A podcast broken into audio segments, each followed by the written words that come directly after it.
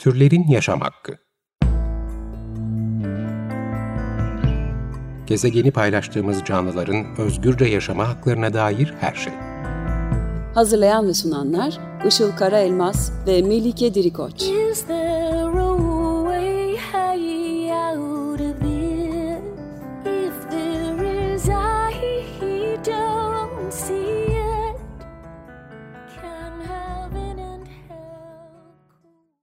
Merhabalar, 95.0 Açık Radyo'da Türlerin Yaşam Hakkı programı başladı. Ben Melike Dirikoç.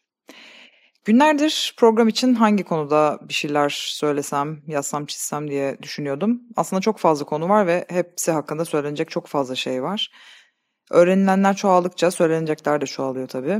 Ee, bir süre sonra o kadar fazla şeyi biliyor oluyorsunuz ki e, her şeyi unutmaya başlıyorsunuz bir yandan ya da kafanız karışıyor. İşte bu bilgi kazanında da bir süre sonra kendinizi de unutup öylece fokurdamaya başlıyorsunuz. Canınız yanıyor bir yandan ama bir yandan da bir türlü içinden çıkamıyorsunuz. Aslında ben de e, bu hislerle dolup taşarken, biraz da yoğun bir dönemden geçerken e, biraz kafamdan geçenleri sizlerle paylaşmak istedim. Belki de 2023 yılında dünya gezegeninde yaşayan birinden notlar olarak ele alabilirsiniz bu programı. İlk olarak bahsedeceğim ve son birkaç ayda da aslında tüm kişisel gündemimi kaplayan bir durum var. Biz İstanbul'dan şimdilik taşınıyoruz. Şimdilik deme ihtiyacı duymam sanırım bu gidişin biraz da istemeyerek ama yani ondan da öte biraz mecburi olarak yaşanmasından kaynaklanıyor sanırım. Buraya ait hissetmeseydim eğer ya da burada yaşamaya değer bulduğum şeyler olmasaydı ki bu biraz zor oluyor aslında yaşadığınız her yere karşı bir bağlılık oluşturuyorsunuz ama yine de daha az olsaydı diyebilirim. Belki de çok net bir şekilde gidip dönmek istemezdim. Son zamanlarda bu vesileyle göç kavramını daha çok hiç düşünmediğim şekilde belki de düşünmeye başladım. İnsanlar savaş zamanları yaşadıkları ül- ülkelerden göç etmişler, siyasi sebeplerle sürülmüşler ya da kaçmak zorunda kalmışlar. E, Biz bu durumların neresindeyiz diye sordum aslında kendime. Artık her şeyden biraz da çok fazla yorulmuş ve hep aynı senaryoları izlemekten sıkılmış biri olarak bu kavga gürültünün içinde valizini sessizce toplayıp giden birileri olarak gördüm biraz kendimizi. Aslında tabii gitme amaçlarımız e, farklı olsa da yine de altında yatan sebepleri sorguladığımızda bu sadece gitmek değil bunu biliyoruz. Bir yandan da gittiği için az biraz pişmanlık, e, daha çok geride kalanlar için üzüntü duyar gibi hissediyorum kendimi. E, bir yandan da aslında her yerine anılar bıraktığın, benliğinden parçalar bıraktığın şehirde kalanları dönüp bulmamak korkusu da var. Ama tüm olumsuz duyguların yanında da biraz umut, biraz yapacak hala çok şey olduğu fikri, elbette gidip geleceğimiz ya da bir süre sonra döneceğimiz olduğu fikri de e, yok değil. E, tüm bu yaşanan acıların, anlaşmazlıkların, kaosun aslında gitmek zorunda olmanın ya da bir şeyler yapmak zorunda olmanın altında yatan şeylerin kendi türümüz kaynaklı olduğunu düşündüğümde ise bir yandan sürekli insanlar için, insanlık için ne yapabiliriz fikri oluşuyor zihnimde. Sürekli bir sorunlar çözmeye çalışıyoruz. Ama en nihayetinde dönüp dolaşıp kendi türümüzle yüzleşmek zorunda kalıyoruz. Çünkü bu sorunları onlardan bağımsız olarak, bizden bağımsız olarak çözemiyoruz. İnsanların ötesinde bir dünya hayal etmeye ve tasarlamaya, tasarlanmaya aslında çoktan başlandı bile.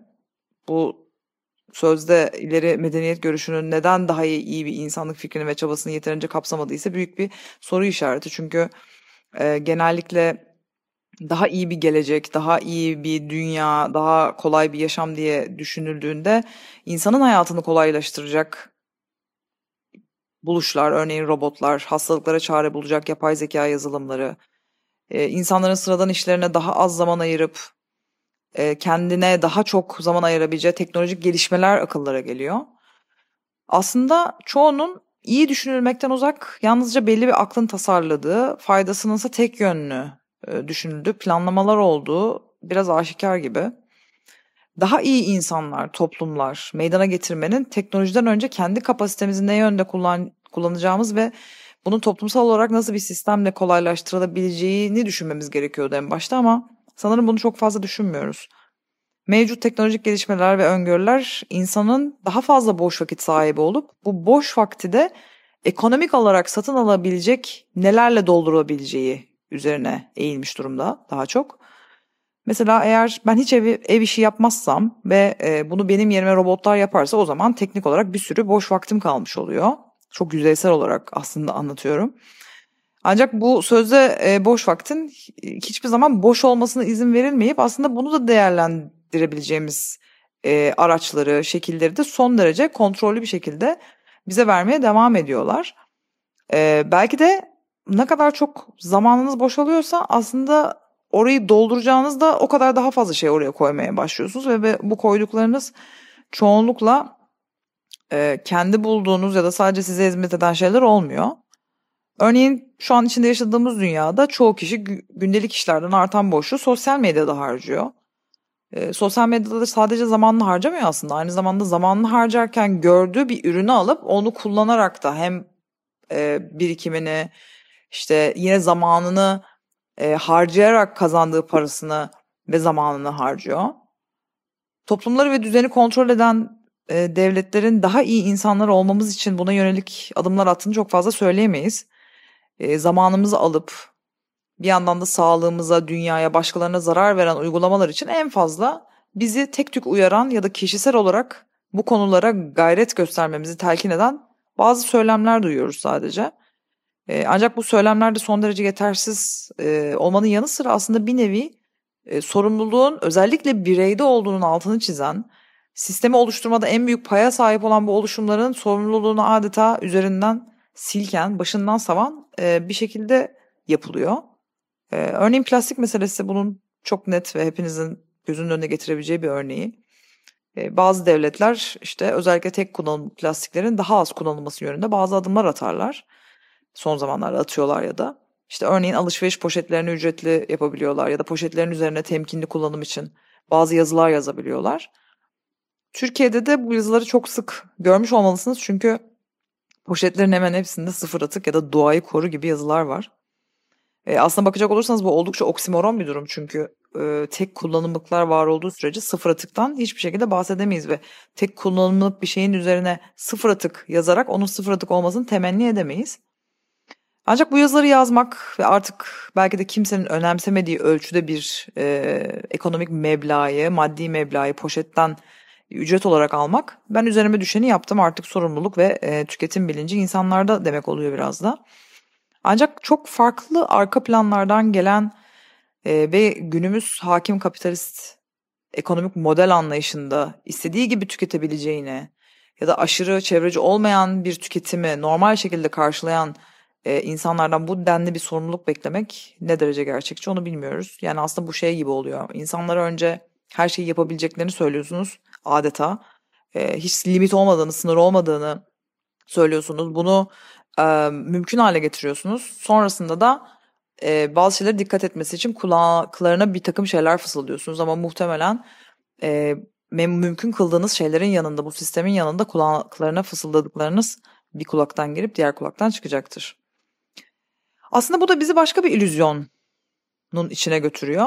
Ee, bazı kesimlerin yani dünyanın ya da insanın daha iyi olması gibi bir derdi yok. Ee, sanki herkesin böyle bir derdi varmış gibi de belki düşünüyoruz bazen çünkü e, çok bariz doğrular herkes tarafından kabul ediliyormuş gibi gelir ya. E, o yüzden de hani bunun böyle olmadığını görmek e, dolayısıyla bunu kabul e, etmememize neden oluyor. Kolay bir şekilde kabul edemiyoruz bunu ve çoğu zaman da sinir bozucu oluyor. E, bu inanmama ve şaşırma halinin sebeplerinden biri de e, maalesef aslında doğamız gereği dünyayı tamamen kendi algıladığımız gibi zannedebilmemiz. Biz nasıl düşünüyorsak diğer insanların da bizim gibi düşündüğünü varsayıyoruz. Ya da en azından e, kendi düşüncemizin hele ki çok bariz bir doğru olduğunu düşündüğümüz bir düşünce ise e, genelin düşüncesi olarak kabul etme eğiliminde oluyoruz bunu. Ancak en bariz gibi gözüken ve insanların fikir birliği edeceğini düşündüğünüz bir konuda bile bu böyle olmayabiliyor. Yine buna plastik üzerinden bir e, aklıma gelen çok net örneklerden biri.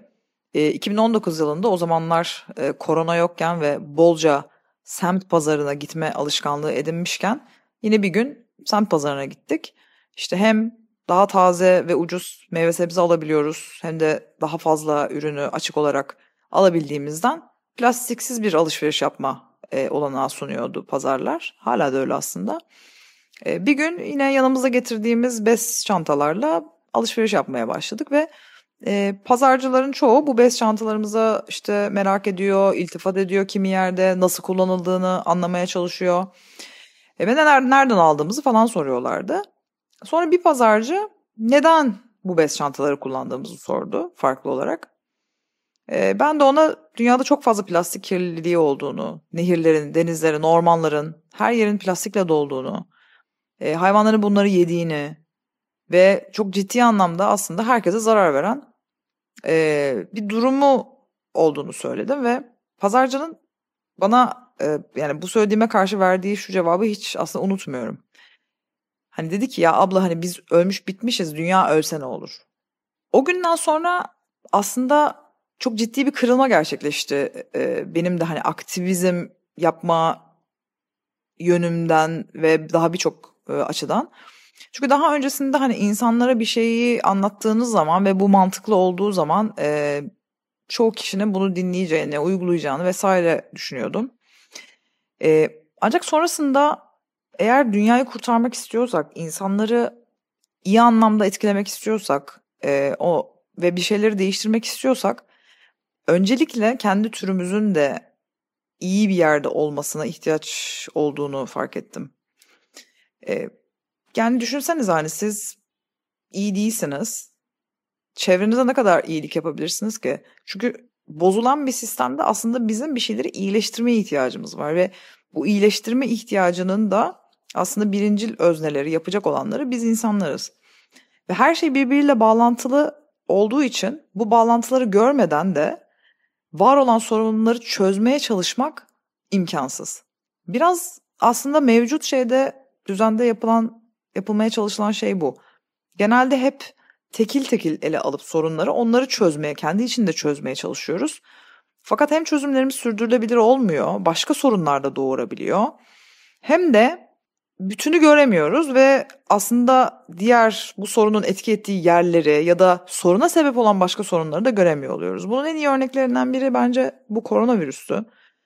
Ee, hem çok fazla insanı etkilediği için hem de küresel çapta bir yani işbirliği örneği olduğu için ama aslında sonuç olarak da tamamıyla çözemediği için bu salgın durumunu, potansiyel salgın durumunu aslında nerede yanlış yaptığımızı çok iyi gösteren bir örnekti.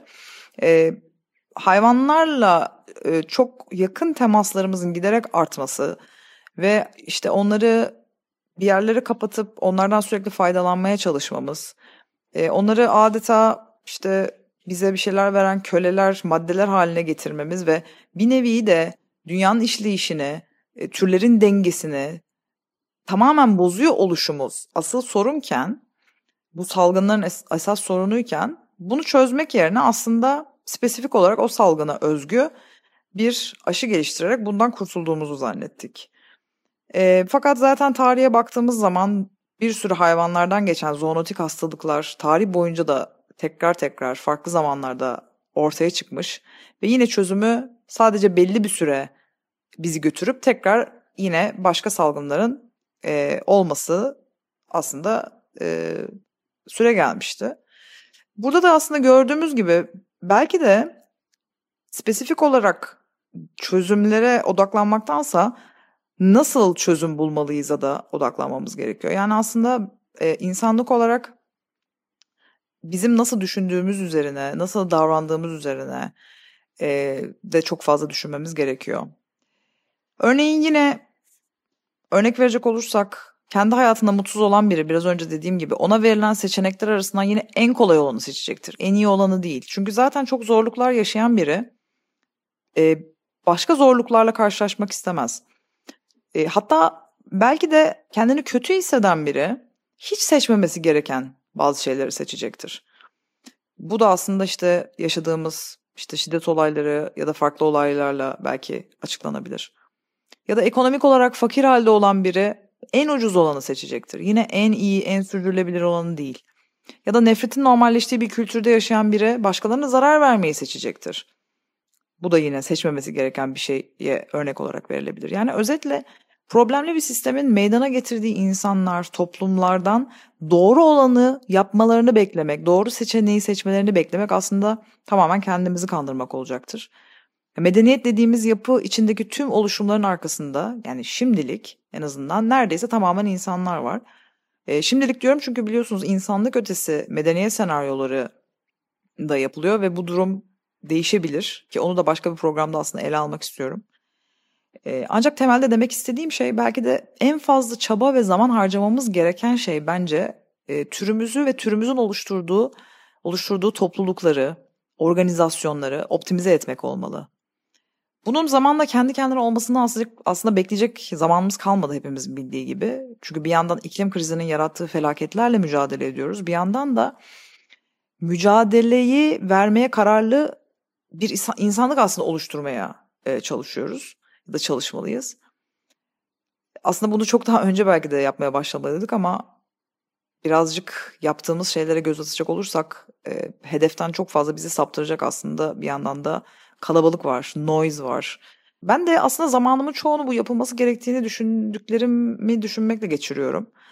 Ee, sanırım işte e, bence tüm insanlar için en büyük sorun e, biraz da hep yapılması gerekenleri düşünüp ama nereden başlayacağımızı bilememek. İşte hayat tarzımızdaki değişiklikler, aldığımız kararlar, dile getirdiklerimiz ve daha birçok şey aslında elbette ki bizi olmasını istediğimiz dünyaya doğru götürüyor. Ancak bir yandan da tam tersi yönde çok hızlı bir şekilde gittiğimizi fark ettiğimizde ciddi bir hayal kırıklığı ve e, yorgunlukla baş başa kalıyoruz. Bazen kendimi bu mücadelenin sonunda kimin kazanacağını ya da neler olacağını tahmin etmeye çalışırken buluyorum istemsizce. E, bunu bilmemiz çok mümkün değil sanırım. E, çünkü zaten bu mücadelenin nokta diyebileceğimiz bir sonu olmayabilir ya da zaman içinde değişimler bizi belli bir yere götürür ve orada yaşanacak belli şeyler yine başka yerlere götürebilir. E, tabii bu belirsizlik ve bitmeyen olumsuzluklar içinde insan bir yandan da pes edip hiçbir şeyin bir anlamı olmadığını düşünebiliyor. E, insan olmamızın getirdiği ve belki de en belirgin özelliğimiz olan e, biraz işlevinden sapmış duygularımız e, bize hükmedebiliyor ve bunların belki kurbanı olabiliyoruz bazı durumlarda. E, bu anlamda da anarko-primitivist yazar John Zerzan'ın Günü Ele Geçirin başlıklı bir yazısından bir kesit paylaşmak istiyorum. Diyor ki Zerzan, elbette kemikleşmiş ancak kırılgan ve ölümcül bir biçimde çatlamış bu sistemden kopacak bir paradigma değişimi kaçınılmaz olmaktan da öte. Diğer ana olasılıksa çok fazla insanın her zamanki nedenlerle, korku, tembellik, işlenmiş yetersizlik gibi yalnızca çöküşle başa çıkmayı denemek dışında yapılacak hiçbir şey kalmayacağı ve buna kadar geç olana kadar gerçeği pasifçe olduğu gibi kabul edecekleridir. Bir şeylerin yanlış olduğuna dair tam gelişmemiş ve bireysel de olsa derin, içsel bir tedirginlikten ve çoğu zaman anlık bir acıyla kamçılanarak büyüyen bir farkındalığın sözünü etmeye değer. İşte bu, fırsatın bulunduğu yerdir. Bu kuşkusuzca gelişen yeni bakış açısından bir tür olarak karşımıza çıkan şeyle yüzleşme ve gezegenin hayatta kalmasının karşısına dikilen engelleri kaldırma işini buluyoruz. En azından çeşitli biçimlerde böyle bir yargılama, yıkım ve evcilleştirme her şeyi boğmadan önce bu ölüm makinesini ortadan kaldırabiliriz diyor. Yani aslında bir yandan engelleri kaldırmak demişken e, bu noktada da bir nevi bize öğretilen belki de insan yaşamı kavramı ve deneyli, deneyimlediğimiz yaşam kavramı arasında da ciddi farklar olduğunu e, belki söyleyebiliriz. Yani genel olarak bence en büyük sorunlardan biri de e, insanlık olarak böyle ütopik öngörülerde bulunup uygulamada bunun hayal kırıklığına dönüşmesi oluyor. Yani bundan yüzyıllar önce bugünleri hayal eden çoğu insan için belki de e, bugünler e, pek de tatmin edici olmayacaktır insanların refah içinde çok konforlu bir hayat sürecekleri fikri şüphesiz ki teknolojinin attığı her adamın bizim için harikalar yaratacağız sanrısından da bir yandan ileri geliyor. Ya da bizim tür olarak tamamen kusursuz ve e, yaptığı her şeyin mantıklı olduğu sanrısından ileri de geliyor. E, belki de anlamamız gereken önemli şeylerden biri de e, türümüzün kendi doğasından çoktan kopmuş ve çok karmaşık hale gelmiş bir tür olduğu ve e, bunun yanında kendi yaptıklarına, kendi davranışlarına, kendi fikirlerine gerçekliğin kendisinden çok daha fazla önem vermesi. İşte bu çelişkili taraflarımızla beraber kurduğumuz düzen kendi akışında yaşanan bir hayattan çok önüne gelen ve çoğunluğunu da kendi yarattığı problemleri çözüp durmaya çalışan bir zaman diliminde sürüklenmemize sebep oluyor. Geçen gün e, taşınmamızın e, çok önemli bir problem parçası olarak gördüm. Bu kedilerle e, seyahat sorunlarını ve bilimum diğer e, sorunu çözmeye çalışırken de aslında tam olarak bunu düşündüm. Hayatımız farklı problemleri çözmekle geçiyor. Hayat böyle kendimizi bırakabileceğimiz bir akış olmaktan uzak. Ya da işte bazı şeyleri yaparsak mükemmel bir hayatımız olmuyor. Bazen çözüm olsun diye bulduğumuz pek çok şey belki daha fazla sorunun yaşanmasına sebep olabiliyor. E, sanki böyle kendi kurduğu oyunda bir debelenme hali, bir dinlenmeye bile fırsat vermeden sürekli çözüm alanında bir şeyler yapma gerekliliği ve bir yandan da bu durursam düşerim hissi aslında zamanımızın belirleyici durumlarından. Bu konulara alakalı çok daha fazla konuşmak istiyorum ve konuşmaya da devam edeceğim programda ama bugünlük bugünkü programın sonuna geldik. 95.0 Açık Radyo'da Türlerin Yaşam programını dinlediniz. Tüm program kayıtlarına podcast platformlarından ve Açık Radyo e, web sitesi program arşivinden ulaşabileceğinizi hatırlatmak isterim. Bir sonraki programda görüşmek üzere diyorum. Hoşçakalın.